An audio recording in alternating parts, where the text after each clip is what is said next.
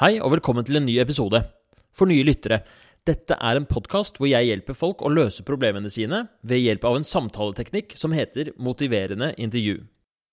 Jeg er nyutdanna lege, og jeg syns at skremmende mange av pasientene som kommer til legekontoret, har én ting til felles. De har ting de vil endre i livet sitt, og de vet hva de burde gjøre, men de får seg ikke til å gjøre det. Livet bare glir forbi, og så satt de der, da, med overvekt og avhengigheter og all mulig drit som burde vært så enkelt å fikse. Men de mangler motivasjonen, og det har jeg lyst til å gjøre noe med. Det jeg har lært om motivasjon på legestudiet, og av å gjøre denne podkasten i snart et år, det er at ekte motivasjon, det er ikke noe du får, det er noe du har inni deg. Det er derfor motiverende intervju ikke handler om å fortelle folk hva de burde gjøre, men å stille spørsmål. Ved å stille de riktige spørsmålene, så kan jeg lokke fram den sårbare og modige delen av deg som tør å si ok, jeg har det ikke sånn som jeg vil ha det, og det blir kanskje ikke lett å forandre meg, men jeg er villig til å prøve. Det er det motiverende intervjuet er skapt for.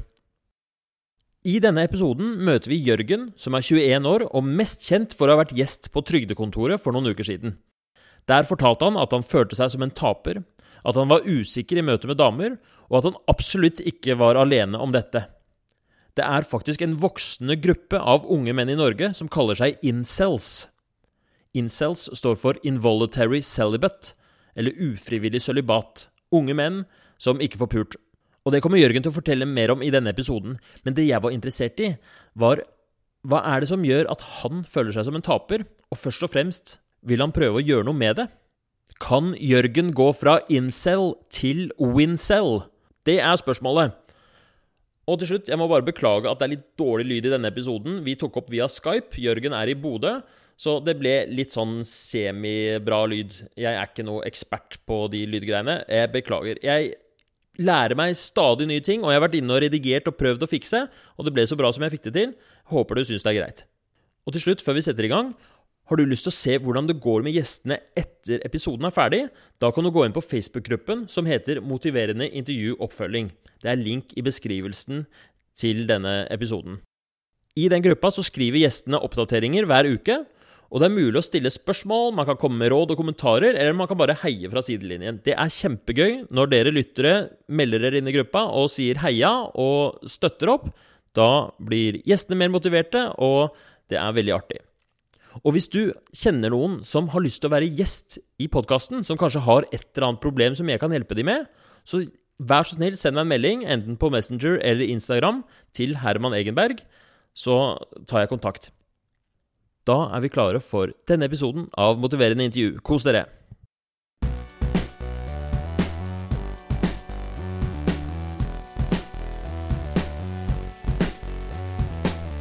Kan ikke du fortelle litt om, om da du var med i den Trygdekontoret-episoden? Hvordan, hvordan, havna du der? Hvordan jeg ble incel, Eller hvordan jeg havna i miljøet? Ja, ikke sant? Hva, først kan du forklare, hva er en incel? Ja, Incel er en subgruppe av, av, tapere. De er på en måte en vei som tapere kan gå. Og, og, de fokuserer spesielt mye på uh, uh, liksom å kunne ta opp damer, og få seg dame og få seg kjæreste og utfyllende forhold på den måten.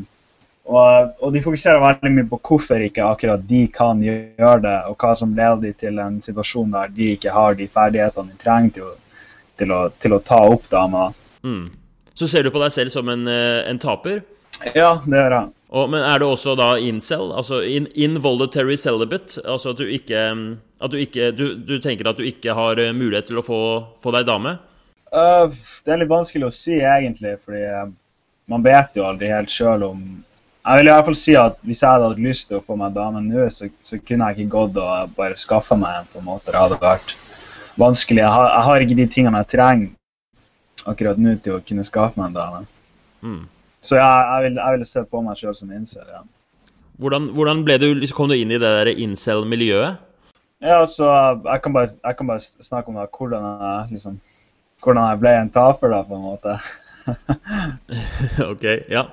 Altså, på, på ungdomsskoler, barneskoler, sånn her, så levde jeg et relativt vanlig liv. Men um, jeg vil si at på en måte uh, uh, på en måte der det virkelig gikk eh, på hodet, var kanskje litt etter faren min døde. Og det var i sånn 9.-10. klasse.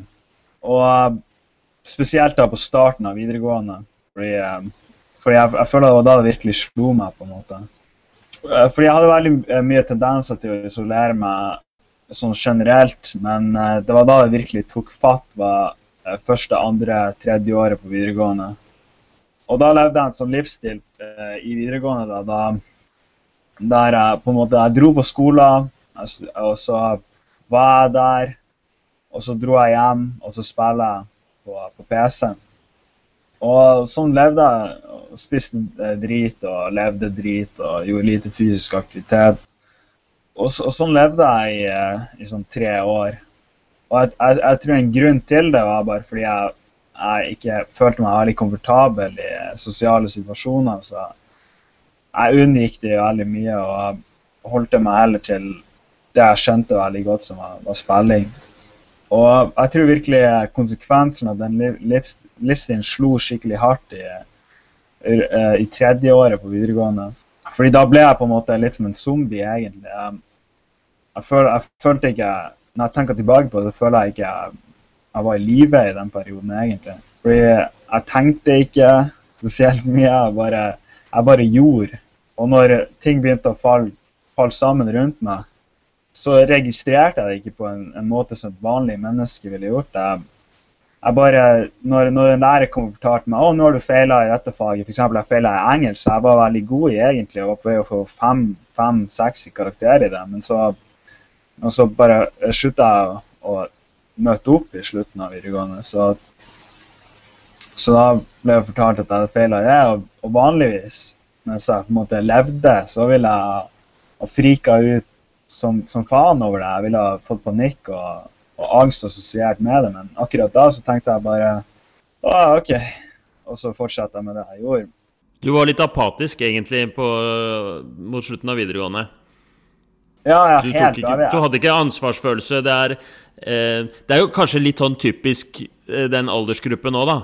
At man, eh, man, er ikke så flink til å, til å tenke konsekvenser av ting, og man, man tar ikke så mye styringa i livet sitt, liksom.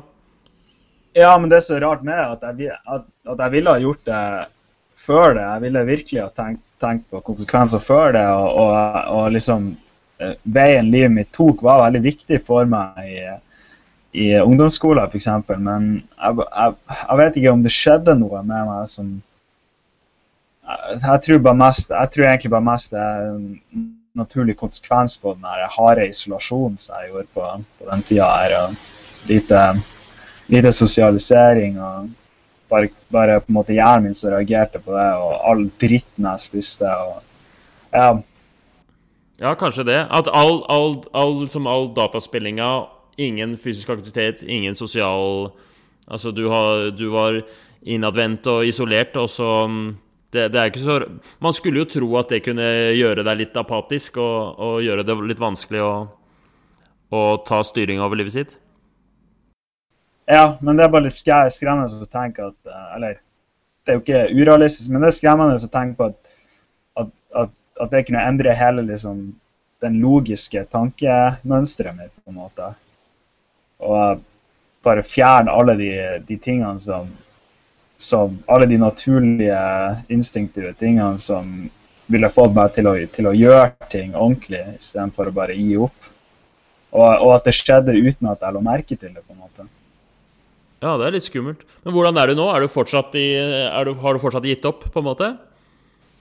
Ja, ja, men, uh, men først så, så syns jeg jeg burde bare snakke om litt etter videregående også. fordi det var da jeg virkelig ble Fordi jeg ble ikke introdusert til incel-tinga uh, i videregående. Det var, det var ikke før etterpå at uh, at um, det var sånn Året etterpå så skulle jeg liksom forbedre meg sjøl. Og fordi jeg visste jo at det var et problem liggende her i den livsstilen jeg levde, men hadde blitt så, så jeg begynte å trene og sånn der. Men, men jeg ga jo opp da naturligvis til slutt. Det er virkelig incelen sin plage, det at vi vet på en måte hva vi skal gjøre, men vi klarer ikke å gjøre det. Mm. Så sånn to måneder inn i det, så ga, jeg, så ga jeg opp i hele den selvforbedringsprosessen. Og så bare spiller jeg nesten i, i, i ti måneder Og så ble jeg kasta ut til sommeren. Flytta eh, rundt august, og så flytta jeg til, til, til Trondheim. Og, og så levde jeg på arvepengene til faren min, som jeg fikk etter faren min døde.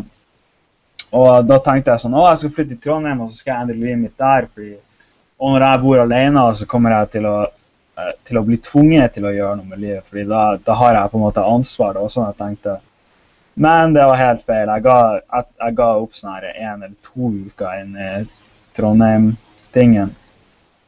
Og, og, og da bare falt alt sammen rundt meg. Jeg, det er skummelt å tenke på hvor for en us, et usunt miljø jeg levde i da. At, uh, Ok.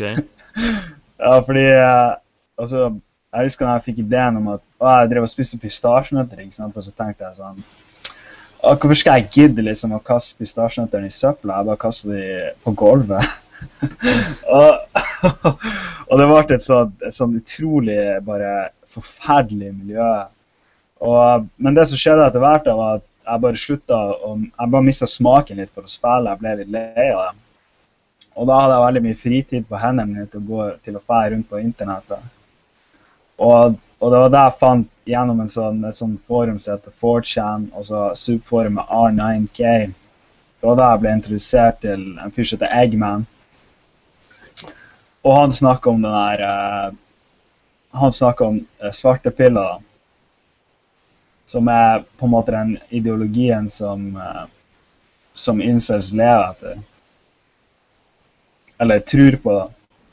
Mm. Og, hva, og, hva, og det her er også det som du har eh, Som du tror på. Ja, altså jeg tror at, eh, jeg tror at, at svartepiller er ordentlige, og at noen folk Fordi svarte piller tilsier at, at du på en måte er en refleksjon av miljøet du vokste opp i, og genetikken som du fikk ved fødselen. Og så, så hvordan folk som var rundt deg når du vokste opp, eh, hva slags nabolag du vokste opp i, hvordan foreldrene dine var, spesielt viktig. Fordi eh, jeg tror ofte incels er folk som det var noe, noe litt rart med i utgangspunktet, kanskje en litt sånn spesiell hjernekjemi. Og hvis, foreldre, hvis du hadde hatt gode foreldre, så hadde du på en måte oppdratt deg i forhold til det, da, og tatt de ekstra stegene som du trengte som en liten unge Mm. når du hadde de sosiale, for sosiale problemene som du hadde, så hadde, det, så, så hadde det ikke gått så galt som det kunne ha gått. Men uh, noe du ser er ofte i incels, er at eh, de kommer fra dysfunksjonelle familier uh, der de f.eks. fikk mye dårlige, dårlige tilbakemeldinger, mye kritikk og, og lite trening i hvordan det, man faktisk lever. Så når incels kommer ut ifra, fra på en måte videregående, så har de ingen ferdigheter. og de har og, Eller de kan, det kan godt være de har ferdigheter, men de har bare levd i så, et så negativt miljø rundt seg at, at, at mange av de tror at de ikke kan noe i det hele tatt. Gjelder det her for deg òg, eller har du, har du hatt den der på en måte mangelfulle oppveksten? Altså, jeg hadde en, en vanlig oppvekst, men så døde faren min. Og, og jeg tror virkelig faren, far, far er ekstremt viktig for en, for en ung mann. Spesielt en, en, gutt med den disposisjonen som jeg hadde, fordi jeg var veldig uenig. Jeg, jeg var veldig på en måte konfrontensiell, og når noen sa at jeg skulle gjøre noe, så gjorde jeg det ikke nødvendigvis. Så, så det, men, det, men faren min, når han, når han ble sur på meg og skulle ha meg til å gjøre noe, så ble jeg livredd. Så når han døde, eller ikke livredd, men jeg gjorde det fordi jeg, jeg skjønte på en måte at jeg måtte gjøre det, fordi det var, det var liksom faren min som fortalte at jeg skulle, skulle gjøre det. Så når han døde, så husker jeg bare at jeg tenkte, jeg hadde litt sånn miksa følelser om det, fordi fordi jeg hadde på en måte blitt Nå kunne jeg gjøre hva jeg ville, på en måte. Fordi eh, Fordi eh, nå var det ingenting som stoppet meg fra, fra å bare gjøre hva jeg ville. Fordi han den, den frykta av bedømmelsen hans var på en måte helt borte. Og så Så jeg bare husker at jeg tenkte at det var en sånn rar på en måte følelse av frihet. Og jeg var, og men jeg var utrolig trist, da, selvfølgelig. Men, men blanda med denne frihets... De, de nye frihetsfølelsen. Hvor gammel var du da faren din døde? Jeg var i, eh, niende klasse. Ja, så 12 år eller noe sånt. Ja, 14. 14, ja. Ja. Og så, så var det også en negativ konsekvens. Jeg, var, at jeg fikk, jeg fikk eh, sånn penger, det sånn arvepenger. Og det var virkelig ikke Det hjalp virkelig ikke eh, Det hjalp meg virkelig ikke når jeg ble 18. Nei, Så du var 18 år og hadde masse penger og eh, masse Og hadde sittet og, og spilt og liksom sløva deg gjennom videregående, og så sitter du i en leilighet med pistasjenøttskall over hele gulvet og, og er isolert og har det kjipt. Og så blir du eksponert for dette, denne ideologien eller dette verdensbildet som er at uh, alle sammen Det er ikke vår skyld. Um, våre resultater i livet det er basert på oppveksten vår, genene våre og alt som har skjedd. Det er ikke noe vi kan gjøre med det. La oss bare hva, hva, hva, kommer etter det, liksom? Er, um, det kan jo hende at det er riktig. Det gir jo, det gir jo mening at uh, hvis du um, Altså hvis man mister faren sin som 14-åring, det er klart det påvirker deg og gjør at det blir vanskeligere for deg. Men hva Hva tenker du liksom uh, nå, da? Hva, hva, skal du gjøre med det? Ja, altså, den, den, den tingen som folk får feil, er at sånn som dama på, på, på trygdekontoret sa, og Trine Lise hun sa liksom at å, jeg vil ikke ha liksom, en sutrekuk som bare på en måte har gitt opp. da. Ja. Men, uh, men altså, det er ikke realistisk å bare gi helt opp. altså Mange incels uh, tror kanskje det ligger et sånn u, et sånt potensial i dem som bare ikke har blitt uh, kommet fram ennå, på en måte, fordi pga. livsstilene de har levd. og og isolasjonen de har opplevd, og hvordan den har gått utover dem. Så, um, så, så, fokuset, veldig mye fokuset i incel-kulturen er at på en måte de som ikke er helt ødelagt, skal komme seg vekk og komme seg ut. Du får ikke lov å være i Eller du blir sett ned på hvis du på en måte er i incel-stedet etter du har klart deg, fordi da er det jo egentlig helt ubrukelig å være der. Fordi eh, fordi du lever jo ikke sånn som de ordentlige incelene lever da lenger. Så, så i incel-miljøet så er det et veldig fokus på noe som heter ascending. Som betyr liksom oppreiselse eller eh, og, og, det, og, da er det at du skal klare å komme deg ut. Er det målet ditt òg, eller?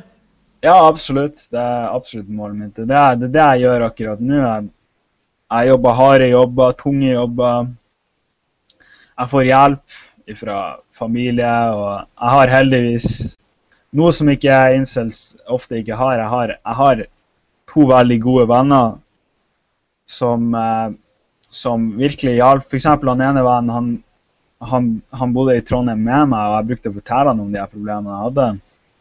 Og da hjalp han meg ordentlig hjalp meg med problemet jeg hadde. Med, med, han, han spurte foreldrene om, om de kunne hjelpe meg. Så de, så da, så da, dro jeg til, eh, til gården deres, da, som er på Eller Engen gård, som er en sånn bedrift de eide. Og så gjorde vi hardt fysisk arbeid hele, eller i, i tre-fire uker i sommeren. Og spiste sunt og levde en sunn livsstil med et, eh, med et hardt regiment av eh, når man skulle legge seg, når man skulle stå opp. Og det gjorde også sånn at jeg åpna kontakt Fordi jeg hadde ikke snakka med familien min på ett år og de folka meg oppfordra meg, oppfordra meg, oppfordra meg, og nesten tvang meg til slutt til å ta kontakt med familien igjen, selv om jeg ikke ville. Så uten de, og uten den hjelpa jeg fikk, så, så, tror jeg aldri jeg hadde klart Jeg tror jeg fortsatt hadde levd i den der Kanskje, kanskje noe skikkelig dårlig kunne ha skjedd, liksom. Da hadde du levd i den pistasjeleiligheten fortsatt? Ja, eller, eller verre. Vært, eh, bare gått helt skeis, på en måte. Gått ja. helt Hva tenker du på da? Ja, gått tom for penger og måtte blitt eh, levd ute på gata eller noe sånt. her skjedd. Ja. Så, altså, og det er det masse incels mangler, og det ser jeg hele tida. De, mangler, de mangler foreldre som støtter dem. Og de mangler venner spesielt, fordi altså, de har levd de her ekstremt eh, bare isolerte livene. Og, og, så de har ikke noen venner. Mange av dem mangler sjarm. Mange av dem mangler egenskapen til å kunne prate for seg i det hele tatt. og, og, og, de har sånne rare eh, måter de skal, de skal leve livene sine, og sånne rare metoder de skal bruke til, til å måte fikse seg sjøl. Så, men så derfor jeg tror at mange incel bare blir, blir stuck der for alltid, fordi de har bare ikke venner. Altså Den eneste tingen som differensierer meg fra en vanlig incel, er at jeg heldigvis hadde den type personligheten som gjorde sånn at, at jeg kunne få meg to venner gjennom livet. Det er jo helt fantastisk, da, det, det, det, det med at du ble tatt med av kompisen din på en gård, liksom. Og, og Altså, det er drømmen. Det er det alle tenker når man tenker på en sånn, eh, sånne tapere, som du sier. da, Så tenker man at det de trenger, er akkurat det du sa. Liksom eh, fire uker på en gård med, med litt rutiner og jobbing og, og fysisk aktivitet. Og så og, og, og, og liksom manne seg opp til å ta, reache ut til familien sin og knytte kontakt med vennene sine og de tingene der. Det høres jo helt fantastisk ut, det du opplevde. Ja, det var, det var, det var helt fantastisk. Det var idyllisk. Det var, det var nydelig.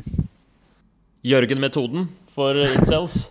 ja, ja, men det er bare hvordan, hvordan, skal de, hvordan skal de få denne tingen her når de, de, ikke kjenner noen? Ja. Men la oss, la oss Det som er med et motiverende intervju, er at vi på et eller annet tidspunkt må peile oss litt inn på, eh, på deg og på, på eh, en endring du har lyst til å gjøre nå. Har du noen tanker om det? Hva, som, hva, hva er ditt største problem i livet akkurat nå? Jeg vil si det største problemet i livet mitt akkurat nå er bare at uh, jeg ikke er veldig uavhengig ennå. Altså, nå bor jeg hos mamma, og jeg fortsatt har veldig isolerte tendenser.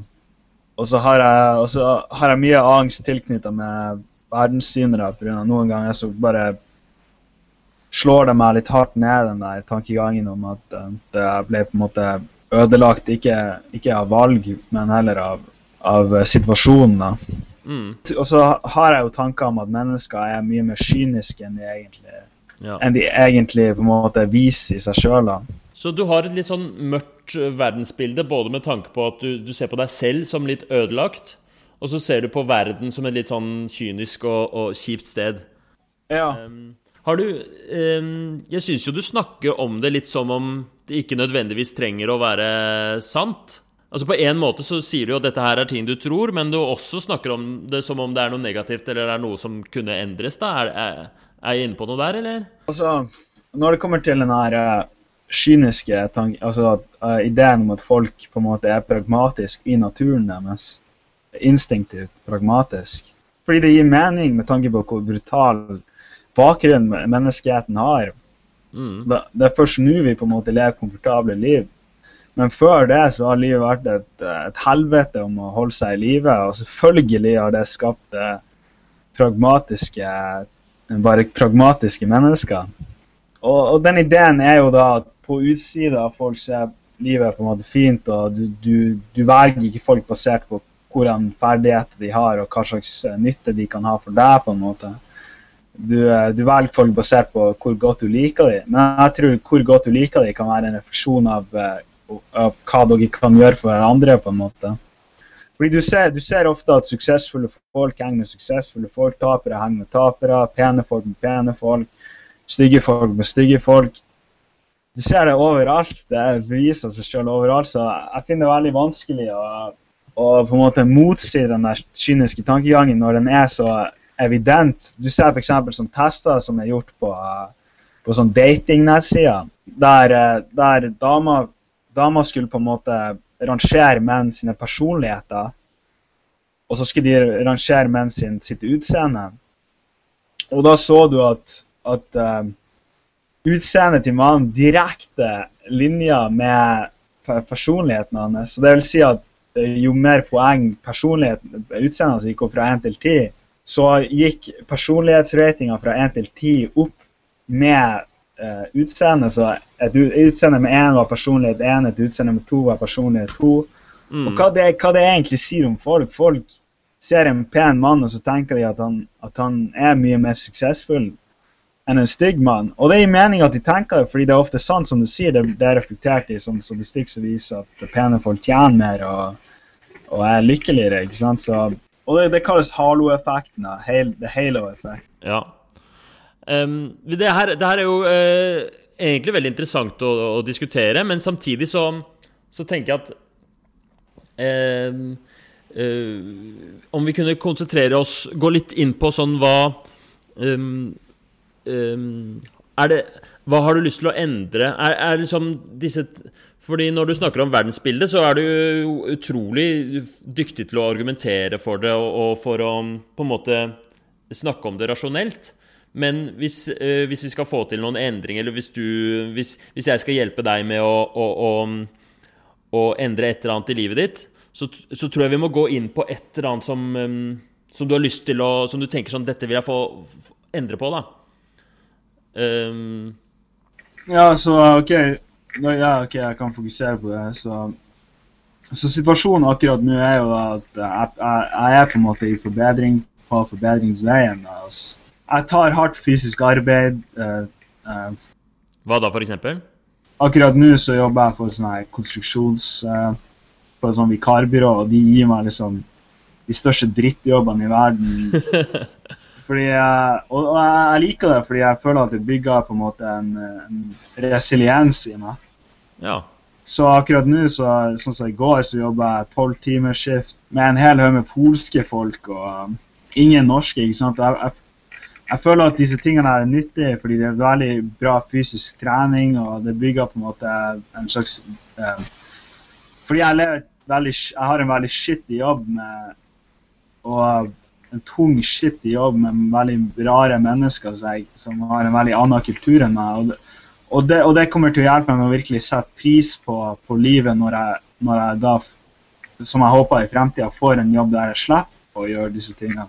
Så, så akkurat nå så prøver jeg å på en måte Fordi jeg var bortskjemt da jeg var liten pga. pengene, ikke sant. Så jeg prøver å på en måte fikse den, den bortskjemtheten som jeg har i meg akkurat nå. Du trener deg opp til å bli mindre bortskjemt. Ja, ja. Fantastisk. Eh, Så det er jo, det er jo good, da. Du, det er jo eh, noe du driver med aktivt nå. Men hva med det her med mm, Er du fortsatt innadvendt og asosial og sånn? Ja, ja, det er jeg absolutt. Så Er det noe du ville kunne tenke deg å jobbe med, eller? ja. ja, det er derfor jeg skal, jeg skal Derfor er jeg heldig, fordi jeg skal flytte i lag med han andre vennen som har, andre nære vennen som har. Og han, han, er, han, er helt, han er liksom ren empati, nesten. Man, Ok. skulle, man skulle ikke tro det eksisterte. Men han er veldig utadvendt og veldig sånn uh, type som uh, som på en måte får deg til å gjøre ting du egentlig ikke er komfortabel for, men, men mest sannsynlig er bra for deg. Så han tar deg med ut på byen og tar deg med på fester og på sosiale ting og sånn? Ja, ja. Så, så når jeg flytter i lag med han, så tror jeg mye da tror jeg mye mer av eh, de type tingene kommer til å skje. Er det i Bodø, da, dere skal flytte sammen? Ja. Men så, så, så bra, da. Er det noe du kunne tenkt deg å, ha, liksom et, eh, å starte et prosjekt med nå, da? Eller en slags Altså, eh, litt av det vi baserer oss på, er jo at em, du skal gjøre en endring, og det skal være et eller annet vi kan måle eller telle. Uh, F.eks. antall ganger du har eh, Hvis det skulle vært noe sosialt, altså ant- antall ganger du har vært på fest, f.eks. Og så følger vi det ganske sånn eh, slavisk. Og så er tanken at um, hvis vi bare klarer å finne riktig markør, riktig ting å fokusere på, så vil de tingene du ønsker å endre, liksom bli endra med det. ja. Men ikke sant, det sier seg jo selv at hvis du drar på mange fester, så har du et mer sosialt liv. Men du kan egentlig ikke måle sånn hvor bra sosialt liv har du på Altså, det, det kan jeg ikke telle, men vi kan telle liksom de tingene du gjør, da. Og det kan være f.eks. dra på fest. Men det var mitt eksempel. Det som er viktig, er at det er din, det er, det er din endring som vi, må, som vi skal liksom fokusere på. Ditt prosjekt. Så altså, vi kan jo bare ha en sånn hvor sosialt fornøyd jeg er akkurat nå. Rating, mm. på en måte. Og akkurat nå så så er jeg ikke veldig sosialt fornøyd, fordi jeg har eh, i byen som jeg bor i, i Bodø, så er alle de gode vennene mine bor borte. Jeg skulle gjerne hatt folk å være med, men jeg har ikke dem. Så akkurat nå så er jeg sikkert sosialt fornøyd tre, fordi jeg har liksom venner i andre byer som jeg kan prate med, så jeg, jeg får den trangen. Men jeg skulle gjerne hatt noen som jeg fysisk kunne vært med. på en måte. Så du er litt ensom i Bodø nå? Absolutt. Jeg er ganske ensom. det, dette med damer og sånn, da. Er det mm, Føles det liksom så fjernt for deg at det ikke er vits å tenke på? Det, må det liksom være neste steg, eller vil du begynne med det, det å liksom få deg jentevenner, eller kanskje få deg kjæreste og sånt? Er det noe du har som mål? Ja, ja absolutt. Um, jeg har veldig lyst til å, få meg kjæreste. Så, men jeg tror det kommer litt etter. Um, jeg tror ikke det blir å skje i sommer, for å si det sånn, for i sommer skal jeg prøve å jobbe hele sommeren ganske hardt. Så jeg så jeg, jeg, jeg, tror disse endringene kommer til å skje kanskje um, i, uh, om sånn tre i august, fra starten av august. Fordi da jeg flytta. Så hva har du lyst til å, eller hva tror du er en god idé å jobbe med fram til det, da, nå, de nær, altså, nå i vår? For å, for å, Hvis tanken er at eh, du får litt mer sånn sosialt nettverk, litt mer eh, folk å henge med, møte litt flere folk, og så på tid, over, over tid så vil det gi deg liksom de positive eller gi deg det livet du har lyst på, da. Ja, det er det jeg håper. Altså, håper opplevelser som jeg er fornøyd med. og En framtid som jeg kan se lys på. mm. Så Det er så bra. Det er, det er, fantastisk at du sier det. Jeg blir skikkelig varm inni meg, fordi det er jo det alle har lyst på. Men det er så kult at du er modig nok til å bare, bare si sånn det, 'Jeg har lyst på det, jeg har det ikke nå, men jeg er villig til å, å jobbe for det', da. Ja, absolutt. Hva tenker du er en god idé å, å begynne med? En sånn et eller annet som vi kan eh, på en måte telle og måle? Er kanskje bare hvor sosialt tilfreds jeg er. Ja. Men hvor sosialt tilfreds du er, det er liksom en, en, følelse du har, eller noe du syns. Men hva skal du gjøre for å bli mer sosialt tilfreds? Nei, prøv å altså, aktivt gå inn for å, for å bare få mer nære venner. Mm. Helt sånn For å bare konkretisere enda mer, da. Hvordan, hva, hvordan tenker du å gå fram? Hva tror du er en god metode? Jeg tror og få meg jobber der jeg ikke jobber med folk fra fuckings Litauen og, og folk fra Syria som ikke kan norsk, mm. er en bra start. Så. Men, jeg, men jeg går igjen denne tingen her bare for å bli mer fornøyd. Så jeg kommer nok til å jobbe med disse her uh, folkene i sånn uh, sikkert tre måneder. Som jeg sier, så jeg, jeg, fordi etter sommeren jeg skal gå inn for å og virkelig forbedre akkurat nære aspekter av livet. Akkurat nå så forbedrer jeg på en måte det fysiske.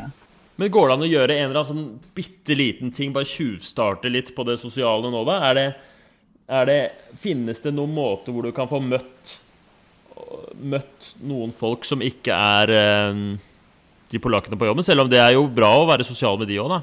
Men å, å connecte med noen eh, som er på din egen alder og har du noen idé om hvordan du kan få gjort det i Bodø? Ja, eller Jeg må tenke. Jeg har jo liksom folk som jeg kunne Men akkurat nå så har folk lyst til å på en måte dra ut med meg fordi de så meg på trygdekontoret. Mm. Og så jeg kan, jo, jeg kan, jo, dra ut med, med, de folkene. Du har noen eh, venner og kjente i Bodø som du kan connecte litt med og få, tilbringe litt tid med? Ja, altså, de, er ikke veldig, altså, de folkene er ikke veldig gode venner, for å si det sånn. Det jo, men uh, de, er, de, er, jo folk jeg kunne vært med. Altså. Mm. Det er, eh, jeg leste et studie en gang hvis du har lyst til å, altså, om, som handla om vennskap og um, hva som uh, skaper gode vennskap. Ja. Uh, konklusjonen var at Eh, graden av vennskap mellom to personer var direkte, den viktigste faktoren direkte korrelert med hvor mye tid de hadde tilbrakt sammen. Du trengte, ah. å, du trengte ikke å gjøre noe annet, liksom. Du, det trengte ikke å være at man, kom, at man var liksom kompatible, at man hadde felles verdier eller noe sånt. Nå. Det aller, aller viktigste var hvor mye tid man har tilbrakt sammen. Men vil du ikke si at, uh, at, at grunnen til at de tilbrakte så mye tid sammen, var fordi de uh, hadde de felles tingene ja, det kan, godt hende, det kan godt hende at det er at det er eh, mange faktorer som spiller inn. Det er det helt sikkert. Men um, det, i hvert fall det jeg trakk ut av det, var at um,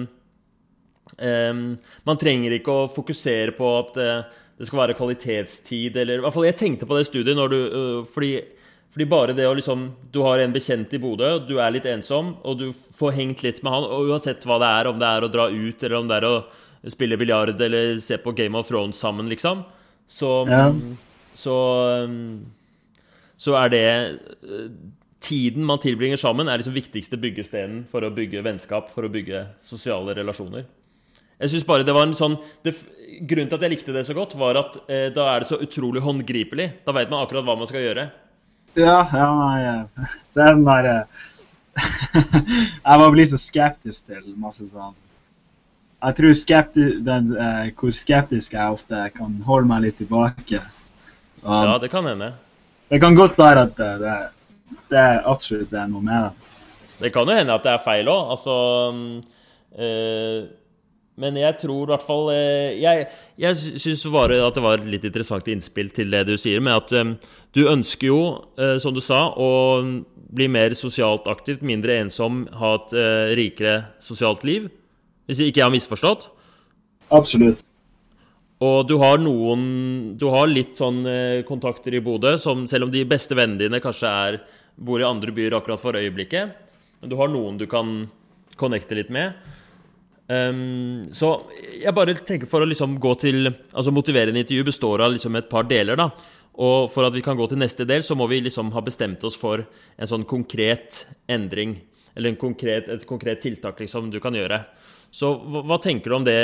Hvis, hvis det som vi skal telle, er um, uh, antall ganger du har, um, du har uh, hengt med noen på fritida? Ja, nei um, Ja, OK. Jeg kan, jeg kan gjøre det. Jeg kan gjøre det. Det vil jo Jeg kan, jeg kan fære ut med, med de folkene som jeg skjønner. Ja, Har du lyst til det selv? Fordi nå, det, det, skal jo, det skal jo helst være ditt forslag, men nå følte jeg at jeg, at jeg pusha på litt. Men eh, hva syns du om det? Ja, men det er, kanskje, det er kanskje bra på pusha, for jeg har jo egentlig altså, Hvis jeg, hvis jeg hadde valgt hva jeg skulle gjøre hele tida, så hadde akkurat nå så jeg ligget i renesteinene i Trondheim og, dødd. Så, så altså, jeg, jeg stoler ikke på meg sjøl og hva jeg har lyst på. Jeg må bare gjøre de tingene som jeg ikke har lyst på, egentlig. Ja, ja, men kul innstilling. Ehm, da, da prøver vi på det. Da prøver vi å si at eh, ditt prosjekt blir å, å, å, å henge med folk. Knuse ensom Og i, i, altså eh, I tillegg til det du gjør med jobben, og sånt, som jeg syns er eh, fascinerende, at du tar deg tøffe, utfordrende fysiske jobber for å som bygger resiliens, det likte jeg skikkelig godt. Men det er ikke prosjektet nå. Prosjektet nå er eh, å henge med folk. ja. Da skal jeg gjøre en liten øvelse med deg som, som For å utforske de positive og negative sidene ved akkurat det. Og den øvelsen er laget for å, for å på en måte finne fram til hva er din motivasjon, og forberede deg på den endringa. Så det kan hende at det føles litt kunstig, eller noe sånt for deg, men bare play with me.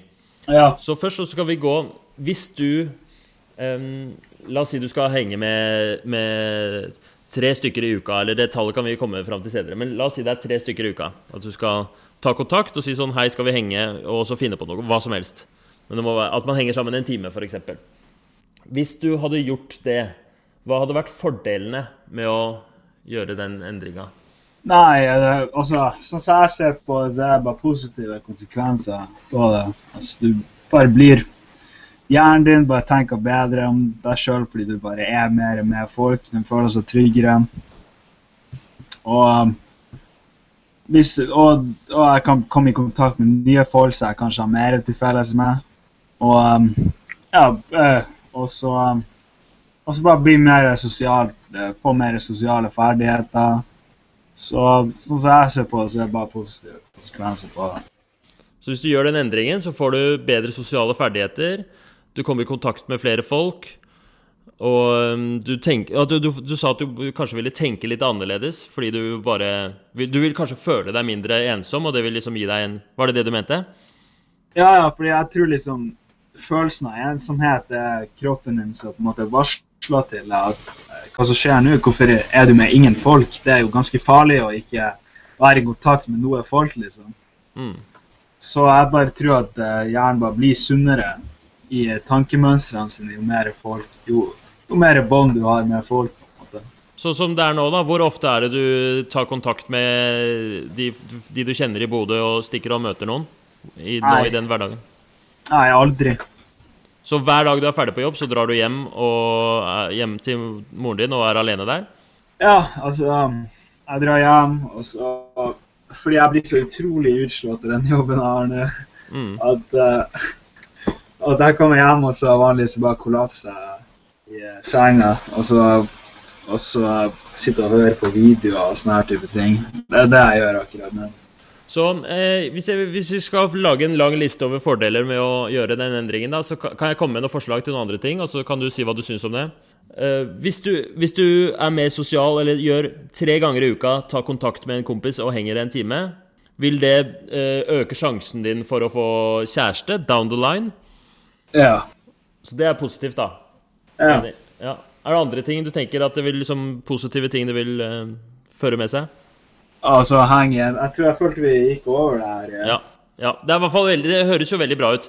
Men nå, nå, kommer det en veldig interessant del, for nå skal vi gå gjennom de negative effektene av å gjøre den endringen. At du skal reach out til eh, noen eh, tre ganger i uka til en kompis og henge en time. Hva, hva tenker du er liksom de negative sidene med det? Uh, jeg kan ha dårlige opplevelser med det. Ikke sant? Du kan ha dårlige opplevelser. Plutselig så er det Eh, har du et eksempel på en sånn dårlig opplevelse som kunne skje? det kan jo være at de bare kanskje ikke liker hverandre, eller uh, ja. ut. Altså, altså ja, Nei, det er det jeg tenker. Mm. Du kan, du kan, bli avvist òg. Du kan jo sende melding til noen og 'hei, skal vi henge?' og så det, får du ikke svar, eller Det kan jo skje. Ja. Det er jo jævlig kjipt. Absolutt. Det kan jo hende at er, det, det, er slitsomt. Det, er ikke, det, det, krever jo energi å liksom være utadvendt og, og, prate med folk. Og du har jo allerede en slitsom jobb, så kan hende det krever ganske mye energi fra deg. Har du andre liksom, negative ting som kan, uh, du kan tenke deg? Nei, ikke egentlig, altså. Det kan jo hende også at, um, at du prøver på dette her. Prøver å gjøre denne endringen, og så er det vanskelig av mange grunner. Kanskje blir du avvist, kanskje er det tungt, og så får du det ikke til. Så feiler du, og så gir du opp. Og det er også Ved å prøve å endre noe, så man liksom, risikerer man en sånn utrolig negativ opplevelse av å ikke få det til. Så det kan jo også Det kan jo hende. Ja, absolutt.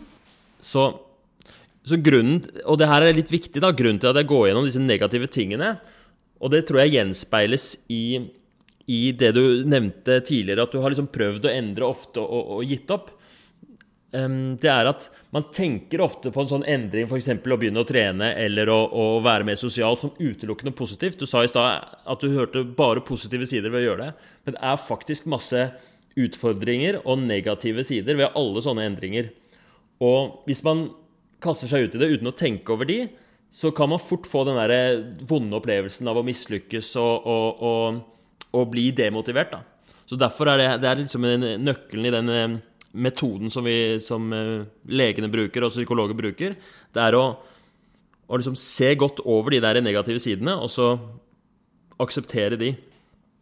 Så da har jeg lyst til å spørre deg, er du villig til å prøve på det her til tross for alle de negativene vi har eh, snakka om? Ja, jeg føler det ville vært hyklersk å ikke prøve det. fordi jeg har jo absolutt sagt det jeg liksom lyst til og hvis ikke jeg har vært villig til å på en måte gå litt ut av, eh, av det jeg er komfortabel med for å gjøre det, så ville det vært superhyklersk. Så, så ja. Det ville i hvert fall vært Men eh, du er enig i at det kommer til å bli vanskelig? Ja, altså, det kan jo være at det er enklere enn også. Det kan jo være at det er enklere enn vi tror også, så det kan Jeg har, vanligvis et sånt eh, Forventningene mine er vanligvis bare på et normalt nivå. Ja. Ikke høy, ikke lav. Er du villig til å kanskje bli avvist av en av ukjent grunn, liksom? 'Jeg kan ikke henge ja, i dag', eller ja, Du tar absolutt. den? Mm. Ja, det skjer ofte. Det skjer, har skjedd ofte. Ja. Så du, du, er villig til det, og du kommer ikke til å gi opp selv om du får et par avvisninger? Nei, det tror jeg. Er du villig til å, å, dra ut og henge med en eller annen perifer venn, og så er det plutselig ikke noe gøy? Og så er det Føltes det dritt? Dere har ikke noe til felles, eller ja. det blir en kjip opplevelse? Ja. Du tar den også? Ja, altså, altså Det kommer nok til å skje, så Ja, men bra. Er du villig til å, å og selv om du, det kan jo hende du ikke klarer tre i uka, eller det tallet vi setter oss, er du villig til å liksom stå i det allikevel og si sånn Ja, det gikk ikke denne uka, men jeg prøver igjen neste? Ja. Ja, det er helt konge. Jeg synes, Nå er jeg veldig eh, fornøyd, jeg nå. Det, dette her blir bra. Jeg tror det her er nøkkelen til eh, de positive sidene, som du sa. Det med at eh, hvis du er villig til å ta disse utfordringene i prosjektet, så vil du ha sjansen til å få de positive sidene, altså det sosiale livet du ønsker deg, og eh, øke sjansen for å få eh, møte jenter og sånn senere, og, og for å få litt bot med den ensomheten din. Ja, ja det, det eneste, det eneste negative, ordentlig negative som kunne jo skjedd, er jo at på en måte de eh, er jo at de eh, fryktene som eh, vi incel har, at de bare ikke er bra nok, kunne ha blitt på en måte De kunne ha blitt vist. Ikke sant? At du får bevist eh, en sånn tanke som ligger litt dypt i deg, om at du er ødelagt. Ja, absolutt. Det er jo den ordentlig skumle, store, skumle konsekvensen. Ja. Kjenner du på den, eller? Jeg skjønner, jeg har definitivt et øyeblikk der jeg skjønner virkelig på muligheten av at en kvinne er der. Så er du, mm, er du villig til å danse litt med den følelsen? Jeg danser med den følelsen hver dag, så Den, men det kan jo hende at nå i dette prosjektet at du vil kjenne det sterkere. Ja, det tror jeg jeg blir å gjøre. Er du klar for det? Ja. Ja, men konge. Skal vi bare helt til slutt spikre litt detaljene? Fordi eh, Altså, ba- bare for å få det helt sånn dritlett for meg når, når, når du gir rapport, da. Eh, til dere som hører på, så skal Jørgen sende rapport eh, eh, annenhver uke på en sånn Facebook-gruppe som vi har oppretta for gjestene på Motiverende intervju. Så hvis du er interessert i å følge med på hvordan det går med Jørgen, og hvordan han, eh, hans eh, sosiale prosjekt eh, utvikler seg, så, så kan du finne den eh, gruppa. Den ligger i beskrivelsen på podkasten. Det er en lukket gruppe, og, så du må søke om å få være med, og så, så blir du godkjent, da. Men vi, der, der er det Der er alle gjestene gir oppdateringer der.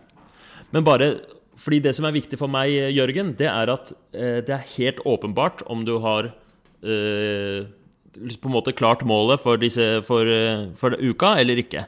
Så det må være veldig lett å, å telle. Så, sånn som det jeg nevnte med eh, et antall At du skal møte så og så mange personer, eh, og dere skal henge så og så lenge og, per uke. Skjønner du hva jeg mener? Ja. Så hva, hva syns du blir riktig Jeg syns det er viktig å ikke ha for, eh, for heftig mål. Jeg er veldig glad i mestringsfølelse og følelsen at man, eh, at man presterer greit. Eh, Så hva syns du er riktig antall? Akkurat nå så jeg, jeg tror kanskje det er én gang, fordi Få sakte, sakte, men sikkert opp. Ja. Så å møte eh, person face to face utenom jobb i uka, det er en eh, stor det, Sånn som jeg oppfatta deg, så er det en ganske stor forbedring for deg. Ja, det hadde vært det.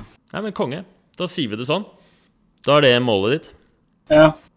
Det er ikke mer hokus pokus enn det. Hvor motivert eh, føler du deg nå, da, på skala fra 1 til 10? eh, Kanskje fem. Jeg er litt Perfekt.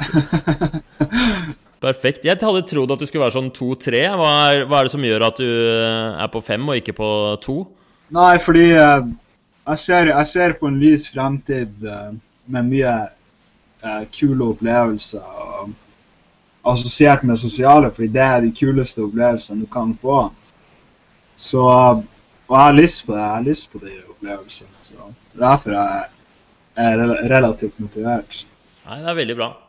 Da um, uh, tenker jeg egentlig vi er ferdig. Da mm, gleder jeg meg til å høre rapportene og høre om du får til Både om du får til å, å, å gjøre det som du har ønsket, og henge med og få litt mer sånn em, sosialt liv, og også litt hva slags effekter det gir da, på sikt. Om det, om det har noe å si. Om dette her gjør noe med deg. Ja. Men da snakkes vi. Jeg em, gleder meg til å få rapporter fra deg, og så får du ha lykke til. ja, tusen takk. Ålreit. Ha det godt. Ha det bra.